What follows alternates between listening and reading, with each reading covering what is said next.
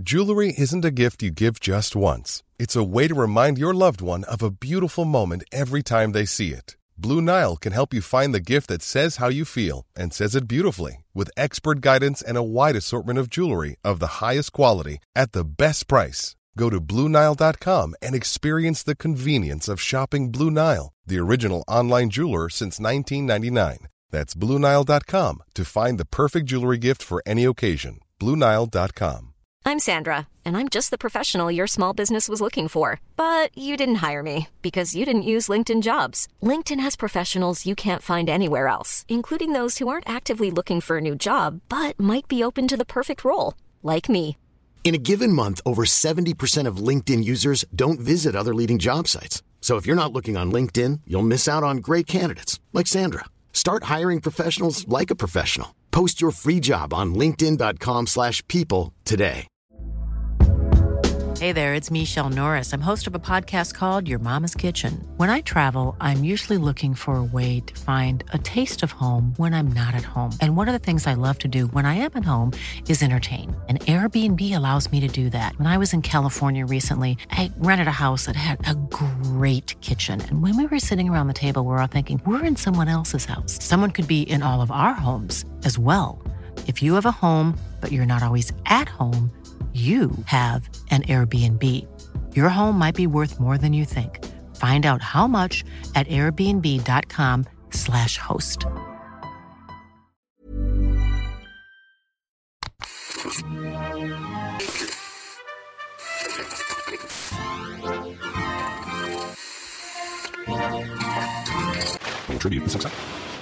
Ja, du ser eh, riktig. Det er en ny episode av 198 land eh, her, rett i fanget på deg, sjøl om det ikke er mandag klokka 05.00, når du vanligvis har på vekkerklokka di for å få med deg det siste innen geografi.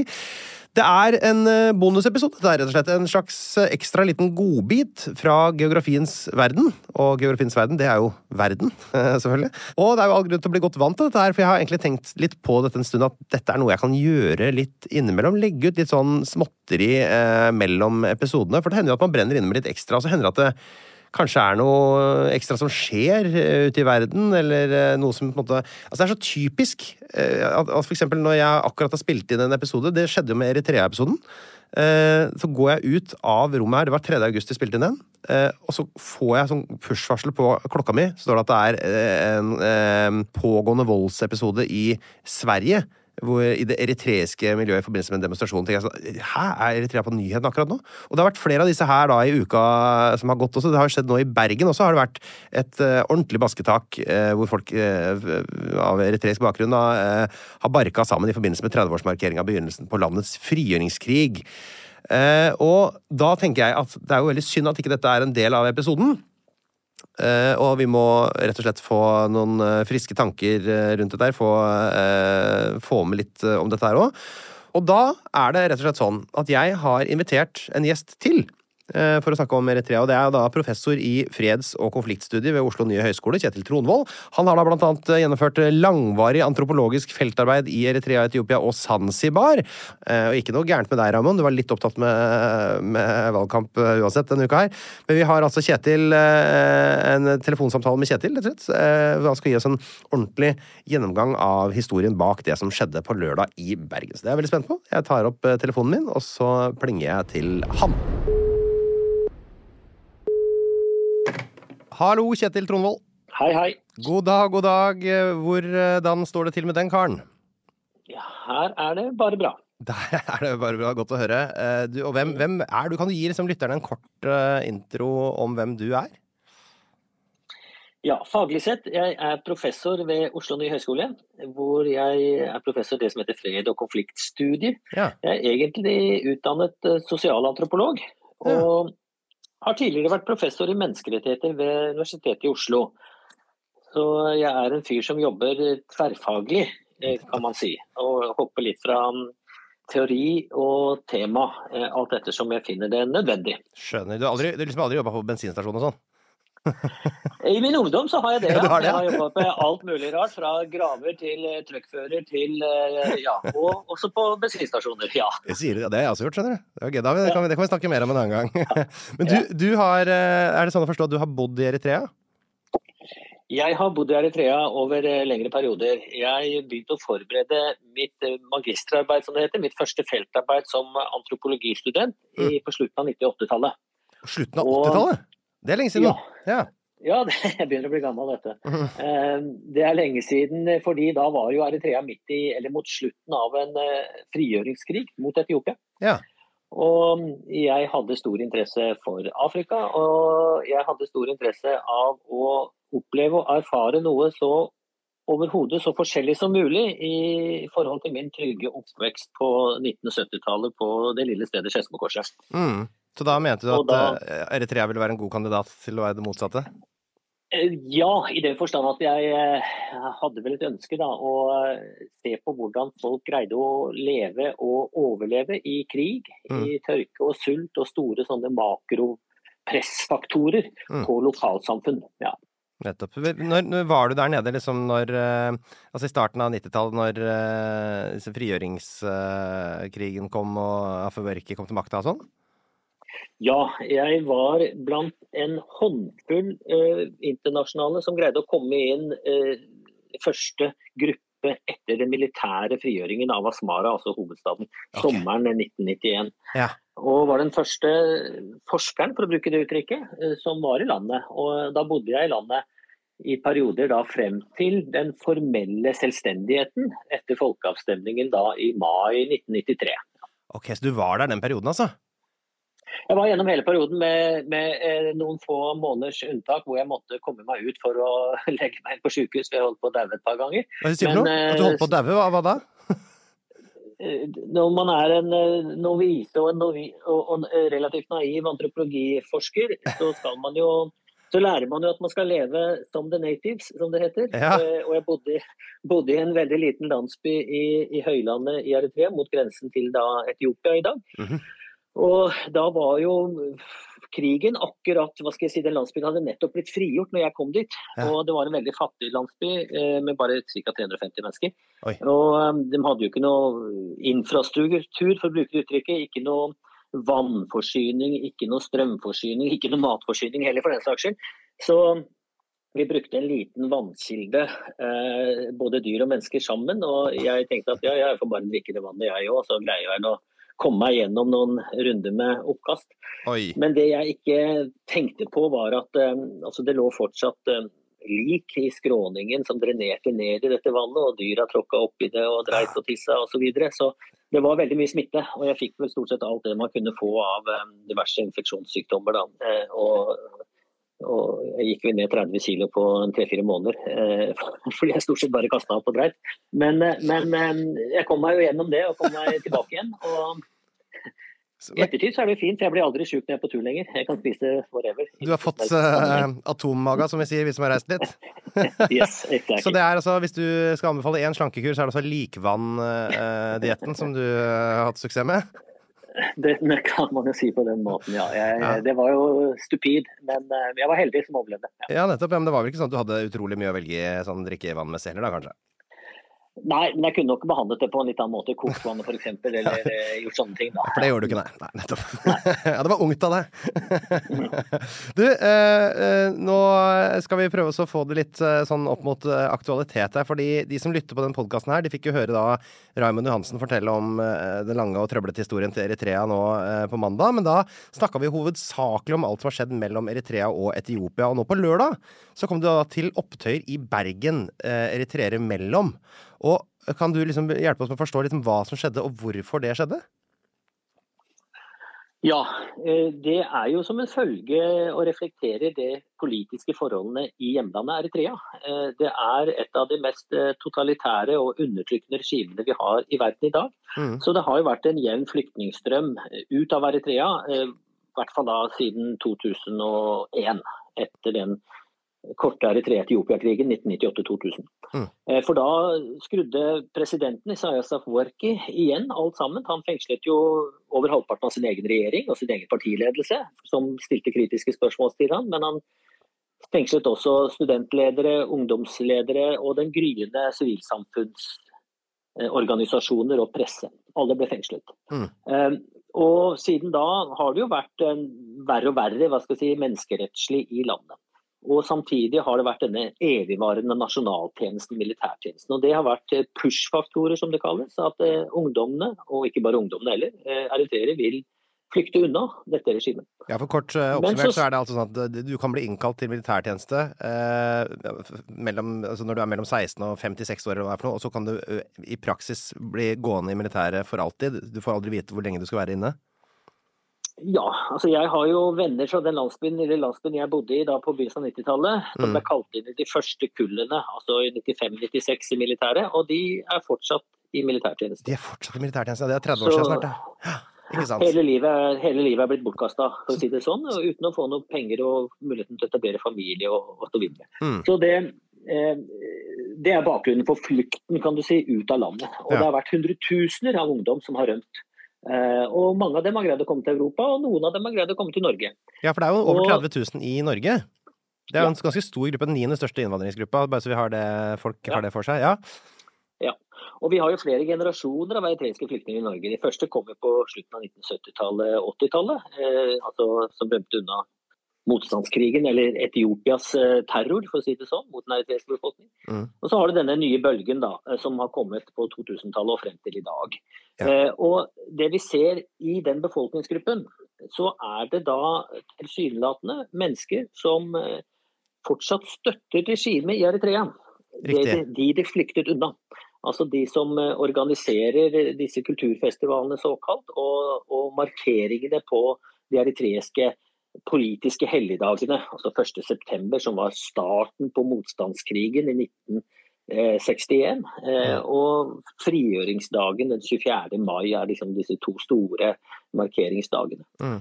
Um, og disse kulturfestivalene, eller disse markeringene, ja det er kulturfestivaler i ordets rette forstand. Det serveres eritreisk mat, det er musikk og kanskje teateroppsetninger osv. Men samtidig brukes jo disse tilstelningene også for å kommunisere eh, regimets ideologi. Ja. Og for å samle inn penger og støtte til regimet rent materielt. Mm. Og de eritreerne som da har flyktet unna, som hva skal jeg si, hater regimet. De har flyktet unna fordi de har undertrykt dem og drept deres eh, mor eller far eller bror eller søster. Mm. Eh, de synes jo dette er særdeles provoserende at det er faktisk eritreere som påstår at de er reelle flyktninger, men hvorfor da tilsynelatende støtter de regimet de flyktet unna. Det er liksom veldig forenklet fremstilt, dette her. Det er mange nyanser her også. Absolutt, det vil jeg tro, men, men eh, du, du, du, sier det jo på en måte, du sier at de påstår eh, at de er flyktninger. Altså, er det er på en måte er det, For det vi har snakka om, jeg og Raymond, er jo det at det, det eritreiske regimet har så lange hender ut i verden, krever skatt mm. av flyktninger, og man kan vel med relativt god empiri hevde at de Eh, har en del utenlandske eller agenter rundt i landet som, på måte, i verdens land som passer på mm. litt. Eh, og er det da sånn at man kan anta at det kanskje er eh, litt sånn i, i Altså det er regimet som på en måte setter i gang disse um, feiringene, f.eks. i Bergen? Det, det, ja, altså den Eritrea-foreningen Hordaland som organiserte festivalen i Bergen, mm. de påstår jo at de er uavhengige og ikke tilknyttet regimet. Men samtidig så sier de at de har flyktet, uh, ja. og allikevel uh, hyller uh, Eller altså ja. hylle frigjøringen, som jo er Afferverkets prosjekt. Ja, og der er det jo en motsetning, ikke sant. Så, så, og, det, og det, det, vi vet, da, for å bruke det uttrykket, via forskning, er at ja, regimet har sendt ut mange agenter mm. forkledd som flyktninger, mm. eh, men som er direkte spioner for regimet. Eh, Samtidig, eh, og Eritrea er det landet som driver mest aktiv flyktningspionasje, som det kalles på politifaglig språk, og transnasjonal undertrykkelse. Mm. Hvor de har både direkte eh, agenter i formell forstand, men de har også veldig mange støttespillere og nettverk som fungerer som informanter. For å holde kontroll på diasporaen, for å overvåke eritreerne i Norge og, og Europa. Eh, hvis de starter med noe opposisjonsvirksomhet eller kritiserer regimet osv., så, videre, så blir det mm. rapportert inn. Mm.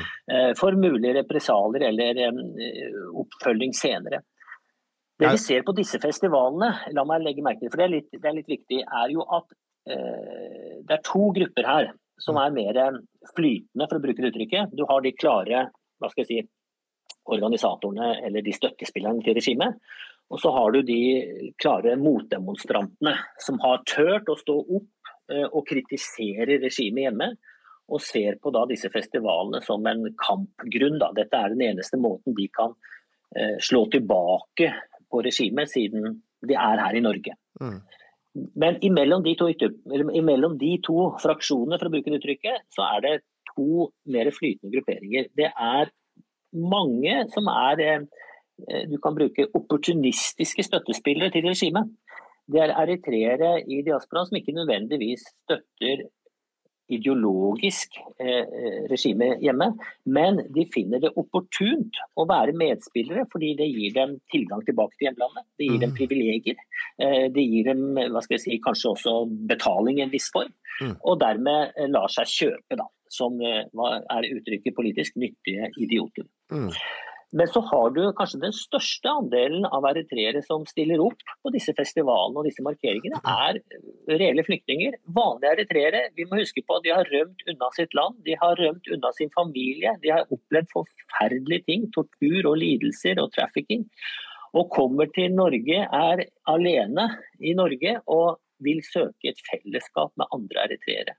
Mm. Og de det fellesskapet da provideres i disse kulturfestivalene. Så de er der bare for å sosialisere seg og få venner og søke, søke, tilbake hva skal jeg si, til den kulturen de, de, forlot. Og Det må vi ha med oss også, at uh, vi skal ikke stemple alle som går på disse festivalene som regimestøttespillere. Men det er et nettverk og det er noen organisatorer som er det. Mm, det er, for det er jo en slags sånn 17. mai eh, oppi det hele?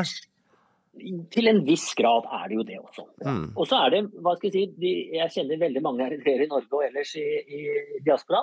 Det er jo mange som ikke engasjerer seg i dette. For de vil ikke verken bli tatt til inntekt for regimet, de vil ikke komme i trøbbel, de vil ikke være med å demonstrere. De vil bare Vi, vi har forlatt Eritrea av en god grunn, mm. og vi søker ikke tilbake til det politiske heksegryten det er. Nettopp. Men, men du, jeg har sett at du har sagt altså, at eritreere flest er jo hardtarbeidende, solide folk som ikke vil blande seg borti vold øh, og mm. uro. Så det må være ganske sterke følelser da, som er satt i sving her nå, ettersom da ja, disse demonstrasjonene ja. fører til såpass mye vold? Absolutt, eh, og det forstår jeg veldig godt med tanke på den eh, forferdelige eh, omstendigheten de har, de har levd i og, og, kommet unna, holdt jeg på å si, og det de har opplevd på veien til Norge. Mm. Så det er desperasjon i flere lag. Og så ser de da at eh, det regimet de har rømt unna, reproduseres her hjemme til en viss grad. Mm. Men eh, den store forskjellen vi ser eh, ja, Det begynte i fjor med, med voldelige motprotester mot disse kulturfestivalene, men som har eskalert i år, det er nok pga. at den eritreiske sivile eh, opposisjonen. Eh, det er en tre ungdomsbevegelser som har greid å organisere seg over de siste fem-ti årene. Mm. Og de har eh, vært veldig strategiske. Jeg faktisk eh, hadde et lengre møte med ledelsen i en av disse bevegelsene, Young Movement, i, i, går. De var i Oslo. Eh, og, og, det er en helt annen strategi for å bekjempe regimet vi nå ser utfolde seg. Mm. Og det vil bare øke fremover. Mm. At de har klarere organisasjon, klarere strategi, eh, samarbeider på tvers av både organisasjoner og land mm. for, å, for, å, slå tilbake mot regimets propaganda.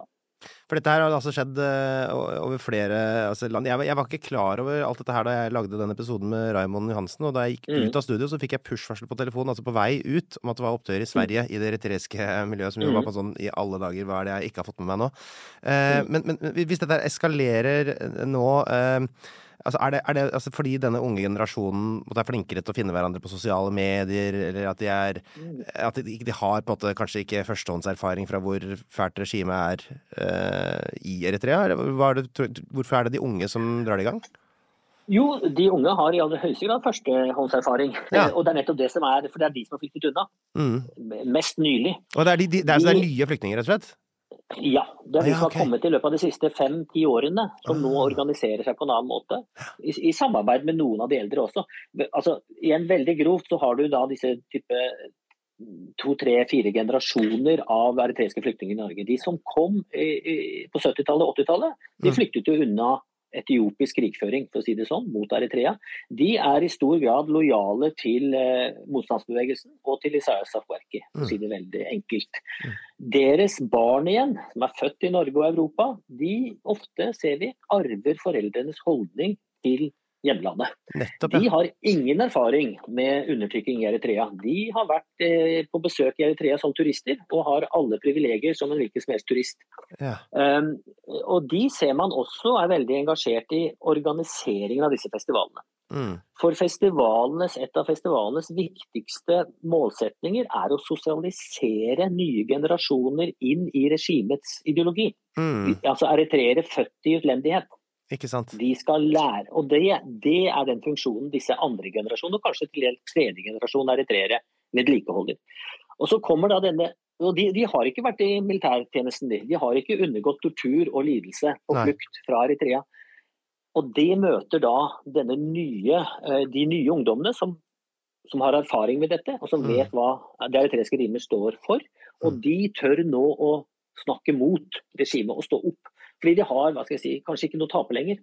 Eh, represalier mot familiemedlemmer hjemme, ja det trues med det. Mm. Men i dag, en, hva skal jeg si, en vanlig eritreisk familie i dag har kanskje en bestemor igjen i Eritrea. Mm. Så er far i Canada, mor er i Sudan, søster er i Tyskland, bror er i New Zealand. Det er spredd mm. over hele verden.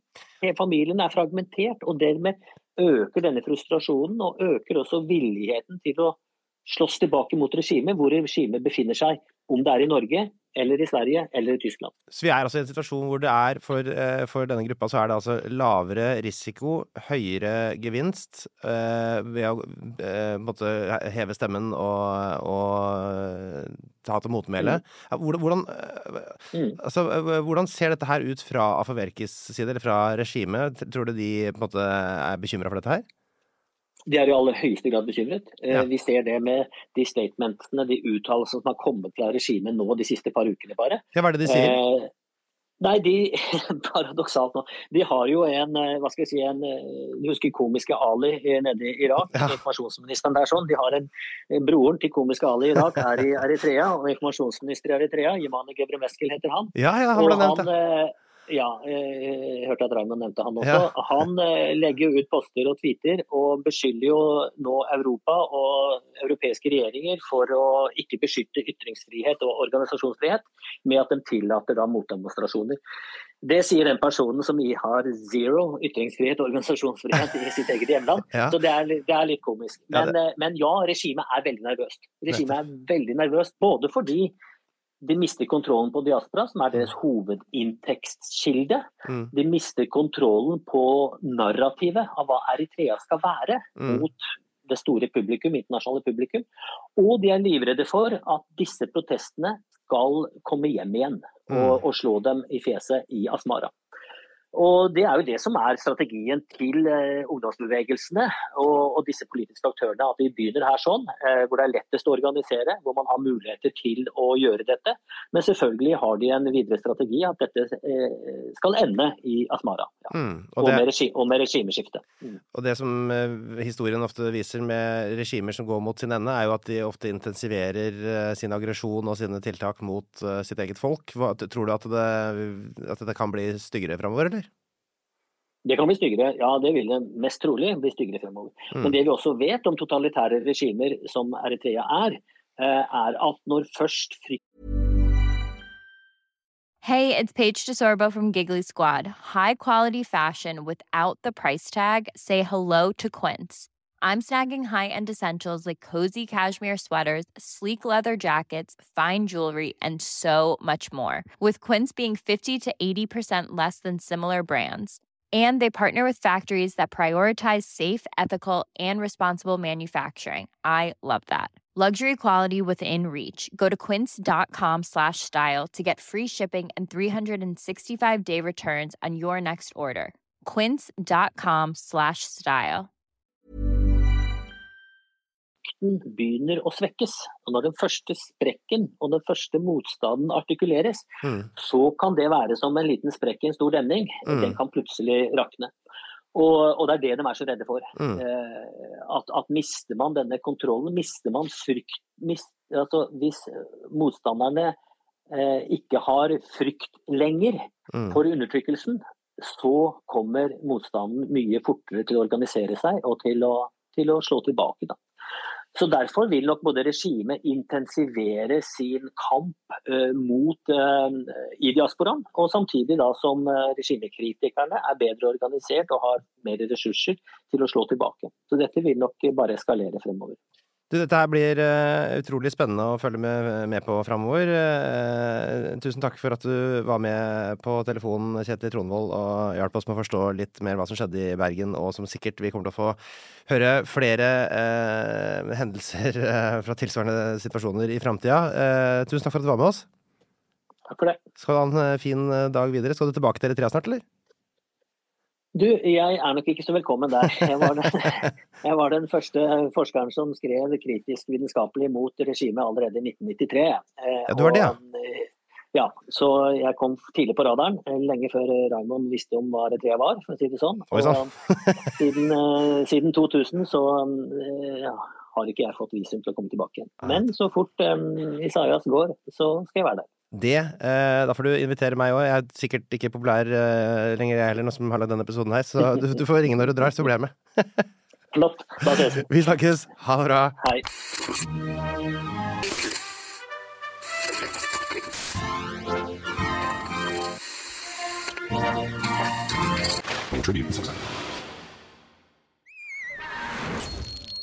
Plan B. Pst, det er meg, Einar Tørnquist her.